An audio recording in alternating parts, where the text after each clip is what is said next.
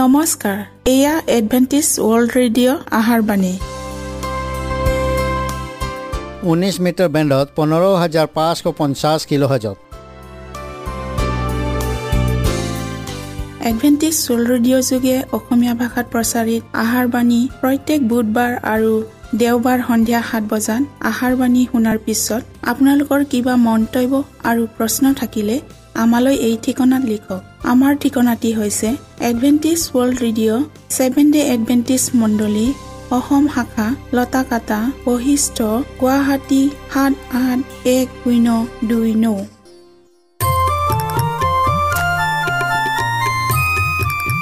প্ৰিয় শ্ৰোতা বন্ধুসকল এতিয়া শুনো আহক এটি খ্ৰীষ্টীয় ধৰ্মীয় গীত।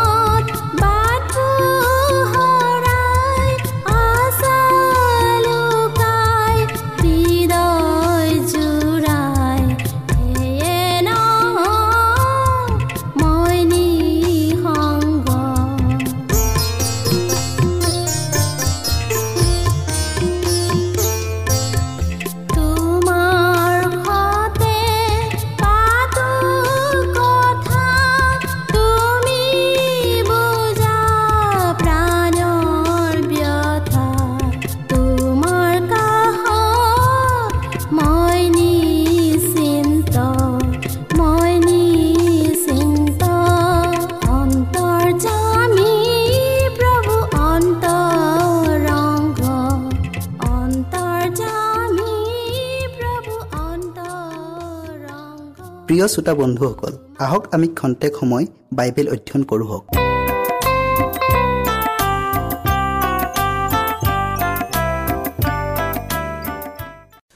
আজি আমি ঈশ্বৰৰ লোকসকলক পৰীক্ষাত বহোৱা হ'ব ইয়াৰ বিষয়ে অধ্যয়ন কৰোঁ হওক। বাইবেল পদটি লোৱা হৈছে মঠি সাত অধ্যায়ৰ বাইছ আৰু তেইছ পদ।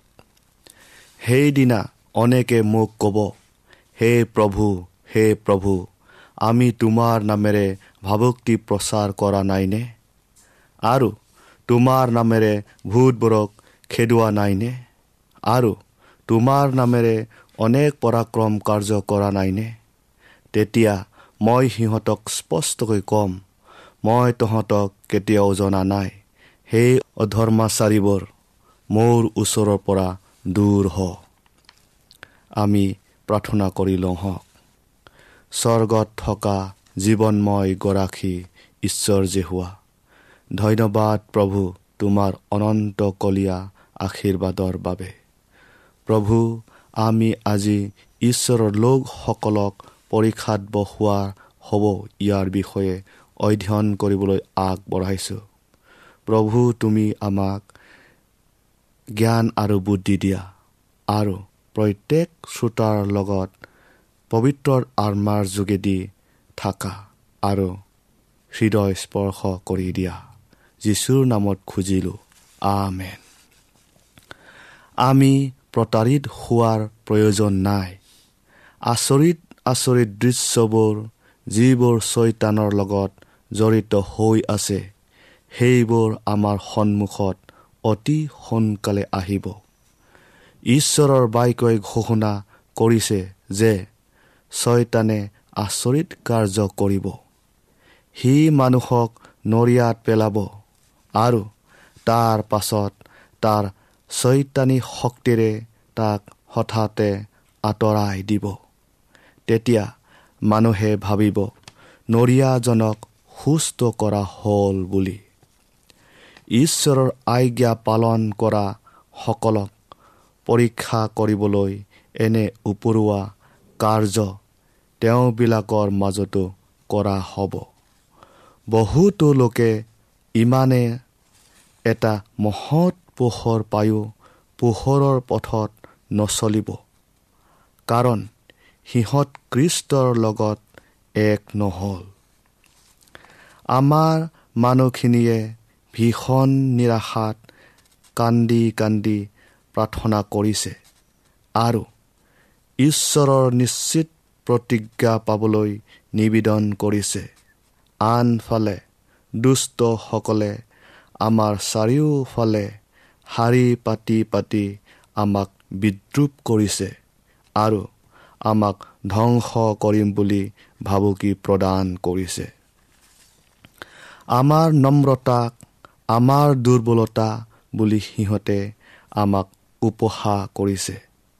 আমাৰ সংখ্যা তাকৰ দেখি সিহঁতে আমাক ব্যংগ কৰিছে আমাক জোকাইছে আৰু নানা কটু কথাৰে আমাক বৰকৈ আঘাত সানিছে পৃথিৱীৰ আনবোৰ মানুহক ৰেহাই দি আমাৰ ব্যক্তিগত স্বাধীনতাৰ ওপৰতহে সিহঁতে আক্ৰমণ কৰিছে।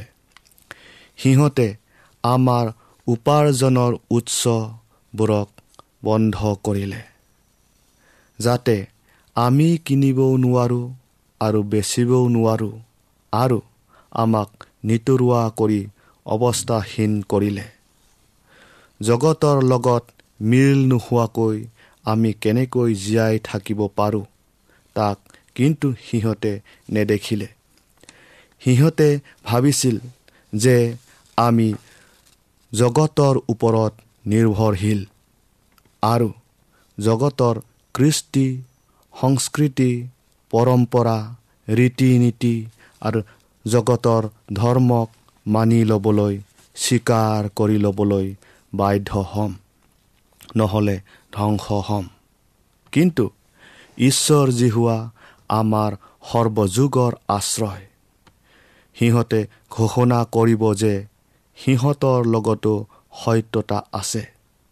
সিহঁতৰ মাজতো আচৰিত কৰ্ম কৰিব পৰা ব্যক্তি আছে। স্বৰ্গৰ পৰা দূত আহি সিহঁতৰ লগত কথা পাতে। সিহঁতৰ লগত অহা যোৱা কৰে আৰু আচৰিত চিন আৰু অদ্ভুত লক্ষণেৰে সিহঁতৰ মাজত কাম কৰে। আৰু ইমান দিনে সিহঁতে অপেক্ষা কৰি থকা এইটোৱে সেই অস্থায়ী হাজাৰ বছৰ। সমগ্ৰ জগতখনে জগতৰ আইনৰ সৈতে একত্ৰিত হ'ব আৰু ইয়াক পালন কৰিব আৰু সেই তাকৰ জাকতিয়ে এই আইনৰ বিৰুদ্ধে থিয় দিব আৰু ঈশ্বৰৰ বিধানকহে পালন কৰিব। আৰু অৱশেষত সমগ্ৰ জগতত একমাত্ৰ শুদ্ধ দল বুলি পৰিগণিত হ'ব। আচৰিত কৰ্মত বিশ্বাস কৰাটো ঈশ্বৰৰ লোকসকলৰ বাবে নিৰাপদ নহয়। কাৰণ ছয়তানেও নকল আচৰিত কৰ্ম কৰে। তেওঁবিলাকে ঈশ্বৰৰ জীৱন্ত বাক্যৰ ওপৰতহে নিৰ্ভৰ কৰি চলিব লাগিব। শাস্ত্ৰত এইদৰে লিখা আছে। এয়াই তেওঁবিলাকৰ উত্তৰ। লোক একৈছ অধ্যায়ৰ এঘাৰ পদটো আকৌবাৰ আমি পঢ়োঁ হওক। আৰু বৰ ভূমিকম্প ঠায়ে ঠায়ে আকাল আৰু মহামাৰী হ'ব।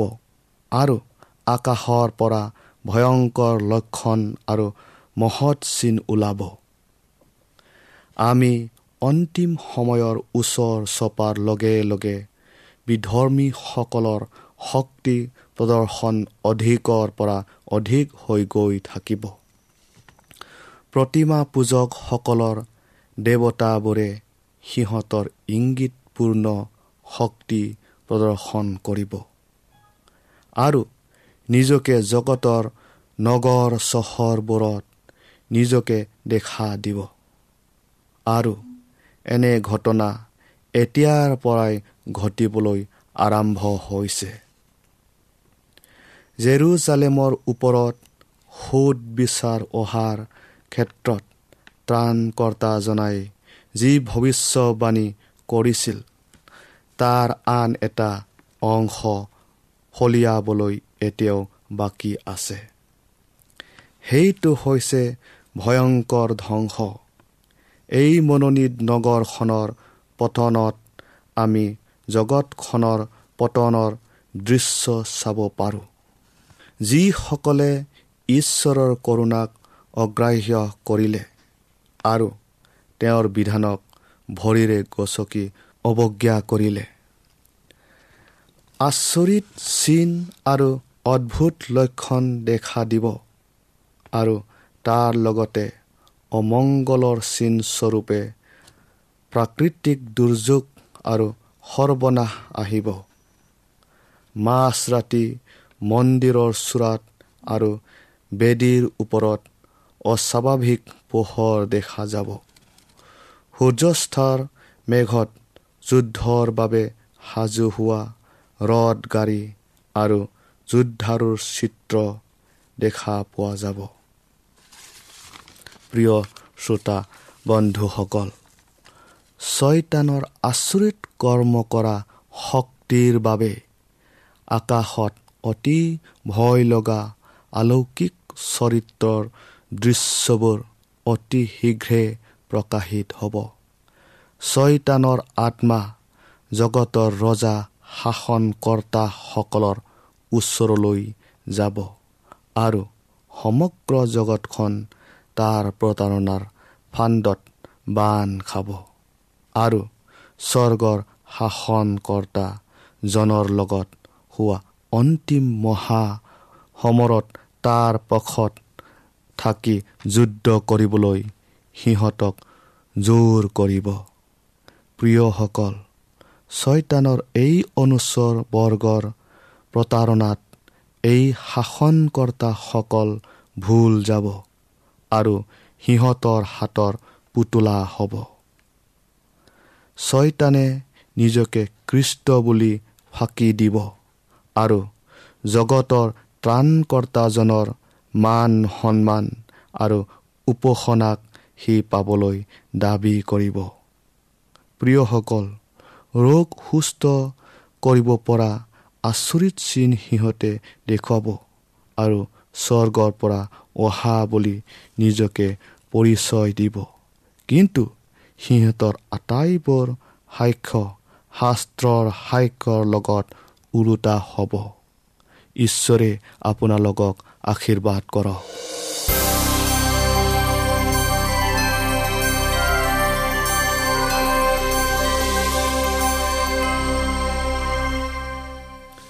আজিৰ আমাৰ বিষয়টি হ'ল ঈশ্বৰৰ মেৰ পোৱালীক চোৱা। জোহন এক অধ্যায়ৰ ঊনত্ৰিছ পদ। জগতৰ পাপ নিওতা ঈশ্বৰৰ মেৰ পোৱালীক চোৱা। আমি প্ৰাৰ্থনা কৰোঁ হওক। স্বৰ্গত থকা জীৱনময় গৰাকী ঈশ্বৰ জেহুৱা। ধন্যবাদ প্ৰভু তোমাৰ অনন্তকলীয়া আশীৰ্বাদৰ বাবে। প্ৰভু এতিয়া আমি যি বিষয়টিলৈ অধ্যয়ন কৰিবলৈ আগবঢ়াইছোঁ। তুমি আমাক সেই বিষয়টিলৈ বুজিবলৈ জ্ঞান আৰু বুদ্ধি দিয়া। প্ৰত্যেক শ্ৰোতাৰ লগত তুমি পবিত্ৰ আত্মাৰ যোগেদি থাকিবা আৰু হৃদয় স্পৰ্শ কৰি দিবা। যীশুৰ নামত খুজিলোঁ আমেন। আন মানুহৰ দৰে জহনো কিছুমান ভুল ক্ৰুটি আৰু দুৰ্বলতা নাছিল তেনে নহয়। কিন্তু ঐশ্বৰিক প্ৰেমে তেওঁক স্পৰ্শ কৰিছিল আৰু তেওঁ পৰিৱৰ্তন হৈছিল। যেতিয়া কৃষ্টৰ পৰিচৰ্যা আৰম্ভ হৈছিল তেতিয়া জোহনৰ কেইজনমান শিষ্যই জোহনৰ ওচৰলৈ আহি আপত্তি দৰ্শাইছিল যে মানুহবিলাকে এতিয়া সেই নতুন শিক্ষকজনৰ ওচৰলৈহে যায়। কিন্তু সেই মচিৰজনাৰ লগত যে তেওঁৰ কি সম্পৰ্ক তাক জোহনে অতি স্পষ্টকৈ বুজি পাইছিল আৰু যাৰ বাবে তেওঁ ইমান দিনে পদ সমান কৰিছিল। জোহনে সেই মহানজনাক স্বাগতম জনাবলৈ কিমান আনন্দ পাইছিল। নিজেহে অনুভৱ কৰিব পাৰিছিল। জোহনে এইদৰে উত্তৰ দিছিল স্বৰ্গৰ পৰা মানুহক যি যি দিয়া হ'ল তাৰ বাহিৰে তেওঁ একো পাব নোৱাৰে। মই কৃষ্ট নহওঁ কিন্তু তেওঁৰ আগেয়ে পঠোৱা হওঁ। ময়ে এই কথা ক'লোঁ তোমালোকে নিজে মোলৈ ইয়াৰ সাক্ষী হৈছা। যিজনে কন্যাক পায় সেয়ে দৰা। কিন্তু দৰাৰ যি বন্ধুৱে থিয় হৈ তেওঁৰ কথা শুনে তেওঁ দৰাৰ মাতত অতিশয় আনন্দিত হয়। এতেকে মোৰো সেই আনন্দ সম্পূৰ্ণ হ'ল। তেওঁ বাঢ়ি বাঢ়ি যাব লাগে কিন্তু মই সৰু হৈ হৈ যাব লাগে। ত্ৰাণকৰ্তাজনাক বিশ্বাসেৰে চাই জোহনে নিজৰ সকলো উচ্চ ধাৰণা ত্যাগ কৰিছিল। তেওঁ নিজলৈ কোনো লোকক আকৰ্ষিত কৰিবলৈ চেষ্টা কৰা নাছিল। কিন্তু ঈশ্বৰৰ মেৰ পোৱালিটোত সিহঁতৰ দৃষ্টি স্থিৰ নোহোৱা পৰ্যন্ত তেওঁ সিহঁতৰ দৃষ্টিক উচ্চৰ পৰা উচ্চতালৈ আগুৱাই নিছিল। তেওঁ নিজেই এটা মাতহে আছিল। অৰণ্যত ৰিঙিওৱা এটা মাত। তেওঁ এতিয়া নিৰৱতা অৱলম্বন কৰিছে আৰু নিজকে লুকাই ল'লে যাতে সকলোৱে দৃষ্টি জীৱনৰ পোহৰত নিবদ্ধ হয়। ঈশ্বৰৰ বাবে নিমন্ত্ৰিত হোৱা যিসকল প্ৰকৃত বাৰ্তাবাহক তেওঁবিলাকে কেতিয়াও নিজৰ বাবে মান সন্মান নিবিচাৰে। কৃষ্টৰ প্ৰতি থকা প্ৰেমে নিজৰ প্ৰতি থকা প্ৰেমৰ সমূলি গিলি পেলাব।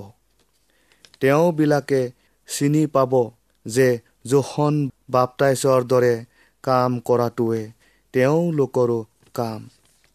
জগতৰ পাপ নিওতা ঈশ্বৰৰ মেৰ পোৱালীক চোৱা এয়াই হ'ব তেওঁলোকৰ বচন। তেওঁবিলাকে যীচুক উত্তলিত কৰিব। আৰু তেওঁৰ লগতে মানৱতাও উত্তলিত হ'ব। ভাৱবাদীজনৰ জীৱনত নিজৰখিনিক অথবা নিজৰ বুলি ভবাখিনিক আঁতৰাই পেলোৱাও সেই খালী ঠাইখিনিক ঐশ্বৰিক পোহৰে পূৰ্ণ কৰিছিল। তেওঁ ত্ৰাণকৰ্তাজনাৰ মহিমাক সাক্ষ্য দিছিল। কৃষ্টৰ এই মহিমাক তেওঁৰ প্ৰতিজন অনুসৰণকাৰীয়ে পাব লাগিব। আমি আমাৰ নিজৰ বুলি ভবাখিনিক ত্যাগ কৰিব পাৰিলেহে স্বৰ্গৰ পোহৰখিনিক পাবলৈ সক্ষম হ'ম। ঈশ্বৰৰ চৰিত্ৰক আমি বুজি পাব লাগিব আৰু বিশ্বাসেৰে কৃষ্টক গ্ৰহণ কৰিব লাগিব। আমাৰ সকলো প্ৰকাৰৰ অসৎ চিন্তাধাৰাৰ দাসত্বৰ পৰা মুক্ত হৈ কৃষ্টৰ প্ৰতি বাধ্য হ'ব লাগিব। আমি গোটেই শৰীৰটোকে লৈ কৃষ্টত বাস কৰিব লাগিব আৰু তেতিয়াহে আমি কৃষ্টত সম্পূৰ্ণ হ'ম। লোক এক অধ্যায়ৰ সোতৰ পদটো আমি আকৌ চাওঁ যাতে যুগুতোৱা মানুহক তেওঁ প্ৰভুলৈ প্ৰস্তুত কৰিব পাৰে। তাৰ নিমিত্তে সন্তান লৈ পিতৃসকলৰ মন আৰু ধাৰ্মিকৰ জ্ঞানলৈ অধাৰ্মিকবিলাকৰ ঘূৰাবলৈ তেওঁ এলিয়াৰ আত্মা আৰু শক্তিৰে সৈতে প্ৰভুৰ আগে আগে যাব। প্ৰভুৰ পথ সমান কৰিবলৈ আৰু লোকসমূহৰ জ্ঞানক ন্যায়পৰায়ণ কৰিবলৈ এলিয়াৰ আত্মাৰ আৰু শক্তিত জোহন বাপটাইজ প্ৰভুৰ আগে আগে আহিছিল। অন্তিম দিনৰ সময়ত খ্ৰীষ্টৰ দ্বিতীয় আগমনৰ বাবে পথ প্ৰস্তুত কৰিবলৈ লোকসমূহৰ আগত বৰ্তমানৰ প্ৰকৃত পবিত্ৰ সত্যতাটোক ঘোষণা কৰিবলৈ ঈশ্বৰে যিসকলৰ ওপৰত পৰম বিশ্বাসেৰে গুৰু দায়িত্ব অৰ্পণ কৰিছে জোহন সেইসকলৰ প্ৰতীক আছিল। খ্ৰীষ্টৰ দ্বিতীয় আগমনৰ কাৰণে যিসকলে প্ৰস্তুতিৰ কাৰ্য চলাই আছে তেওঁলোকক বিশ্বাসী এলিয়াৰ দ্বাৰা সূচোৱা হৈছে।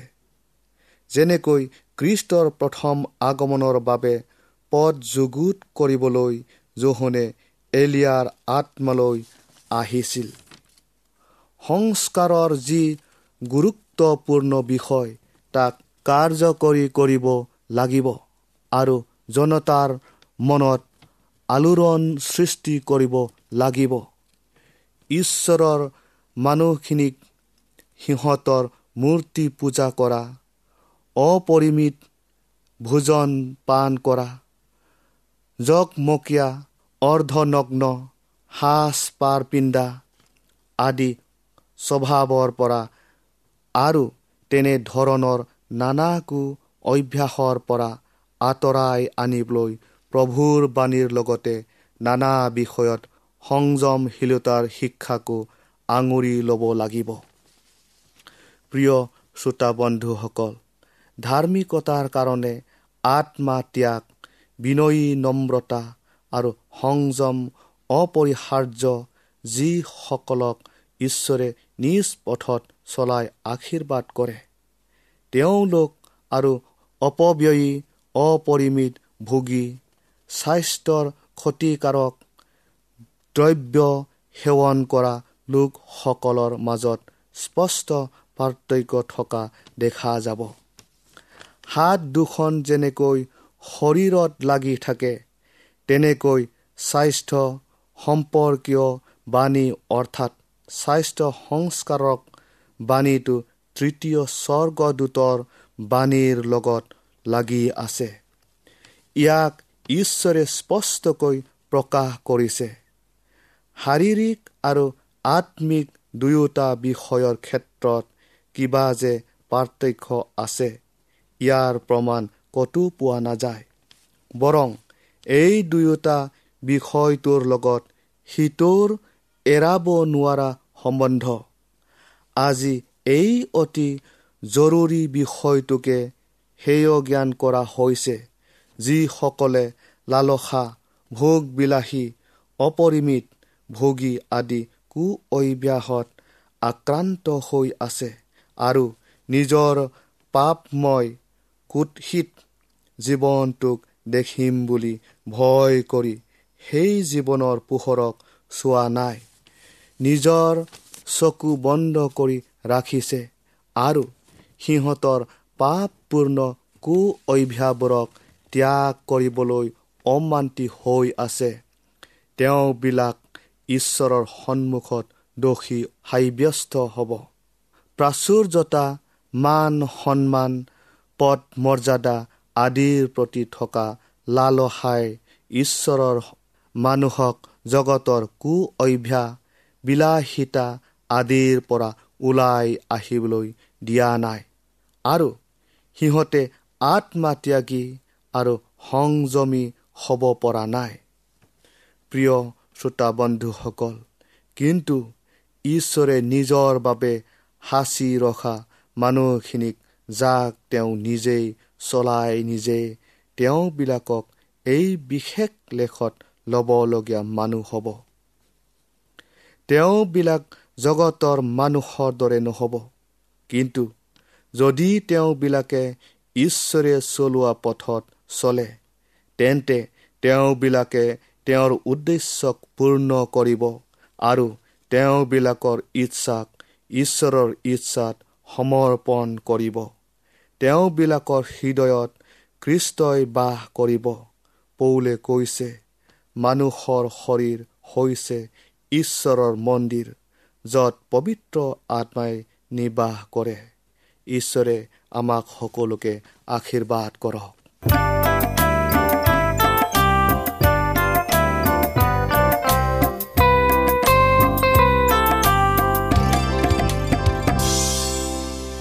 মনত ৰাখিব আমাৰ ঠিকনাটি পুনৰ কৈ দিছোঁ।